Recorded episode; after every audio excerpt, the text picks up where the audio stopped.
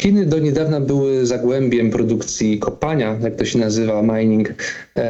kryptowalut, e, ale w tej praktycznie od kilku lat władze chińskie działają na rzecz ukrócenia tego procederu, w szczególności jeżeli chodzi o dużych graczy, o, o przedsiębiorstwa, które się profesjonalnie tym zajmują. E, No i te spadki ostatnie w połowie maja wynikały z, najpierw z powtórzenia istniejących restrykcji, a następnie z zapowiedzi pre- wicepremiera Liu He, odpowiedzialnego innymi za kwestie e, ekonomiczne, że właściwie jest całkowity e, jakby rozszerzenie tych obostrzeń i uderzenie właśnie w duże firmy, które, które zajmują się kopaniem kryptowalut. Jeżeli chodzi o samą ideę, no tutaj idea jest taka, że, że prywatne komputery dzięki swojej mocy obliczeniowej są w stanie generować wirtualny pieniądz i właściwie ten pieniądz jest poza kontrolą e, instytucji finansowych. Dodajmy, że to są ogromne przyrosty i spadki, że nie ma żadnego centralnego ośrodka, który by kontrolował kurs tego. E, no i powiedzmy tweet e, Elona Muska może obniżyć wartość tej waluty o kilkanaście procent, więc to pokazuje zmienność tego typu e, kursów, tego typu walut i też e, ryzyko. To jest tak jak, te, te, sytuacja też jest złożona, bo tu się nakładają czynniki takie systemowe związane ze stabilnością systemu finansowego, no a z drugiej strony klasyczna polityka KPH, czyli dążenie do, do maksymalizacji kontroli. No i jakby Bitcoin zapewniał anonimowość, więc jakby to często też e, Bitcoin kojarzony jest również e, z transakcjami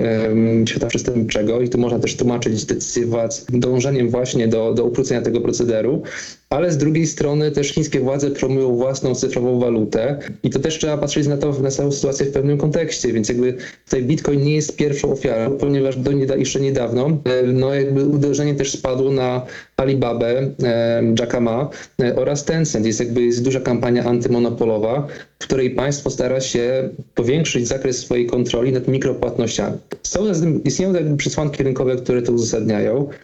Na przykład właśnie dążenie do pewnej mm, ograniczenia tego bardzo szybkiego przyrostu długów w Chinach, no ale oprócz tego też są te przesłanki polityczne, czyli to, że jeżeli jest jakiś przepływ gotówki, są jakieś mikro, mikropłatności, mikrotransakcje, to jednak ideą jest to, aby partia i państwo posiadały kontrolę nad wszystkimi przepływami pieniężnymi, które dawałoby jednocześnie im dużo informacji o obywatelach, o, trendach ekonomicznych, no ale też trzeba brać pod uwagę to, że tego typu narzędzia, jak cyfrowy yuan w przyszłości, mogą zostać również wykorzystane na przykład do zdławienia e, jakichś jednostek, które e, nie podzielają powiedzmy wizji państwa reprezentowanej przez e, komunistyczną e, partię Chin. Więc tutaj uderzenie w Bitcoin właśnie to jest takie połączenie no właśnie czynników politycznych, ekonomicznych, ale też klimatycznych, ponieważ jest to proces, który e, pochłania bardzo dużo energii. E, W niektórych państwach, jak na przykład w Iranie, łączono kopanie e, bitcoinów z